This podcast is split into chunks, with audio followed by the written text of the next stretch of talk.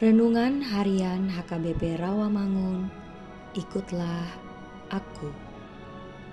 Selasa, 2 Agustus tahun 2022. Dengan judul Tuhan Tabib yang luar biasa.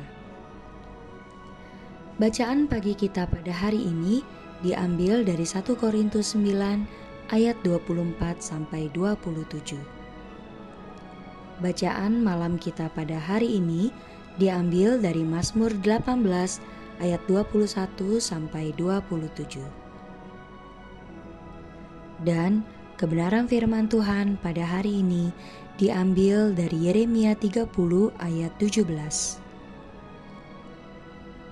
Yang berbunyi, Sebab aku akan mendatangkan kesembuhan bagimu. Aku akan mengobati luka-lukamu.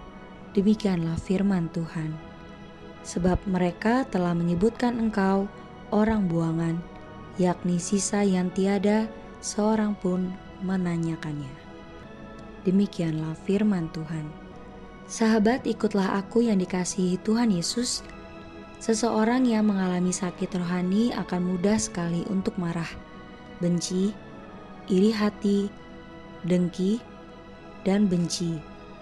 Sakit hati kecewa, dan putus asa. Selain itu, orang akan menjadi malas dan tidak lagi bersemangat untuk beribadah atau bersekutu dengan Tuhan. Bahkan untuk memuji Tuhan dan mengucap syukur saja, bibir terasa keluh dan tidak berdaya. Yang ada hanyalah omelan, keluhan, dan selalu bersungut-sungut. Adalah anugerah yang luar biasa karena kita memiliki Tuhan Yesus yang adalah sumber kesembuhan bagi kita. Hal ini menunjukkan bahwa sumber kesembuhan bagi manusia adalah Allah sendiri yang telah menyatakan kuasa dan kasihnya melalui Yesus Kristus. Inilah kesembuhan yang paling aman, mudah dan tanpa biaya apa pun. Suatu kesembuhan yang sempurna bagi yang sakit jasmani dan rohani Kesembuhan ilahi adalah mukjizat yang disediakan Allah kepada setiap orang percaya dalam nama Tuhan Yesus Kristus. Tidak ada penyakit yang terlalu berat atau besar, sehingga ia dapat menyembuhkannya. Karena dia adalah dokter di atas segala dokter.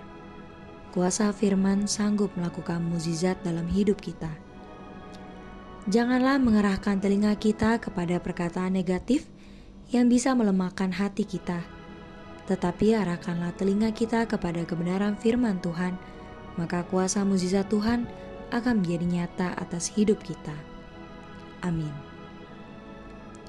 Marilah kita berdoa. Tuhan Yesus, sembuhkanlah sakit penyakit dalam tubuh kami, agar kami tetap mampu memuji dan memuliakan namamu. Amin.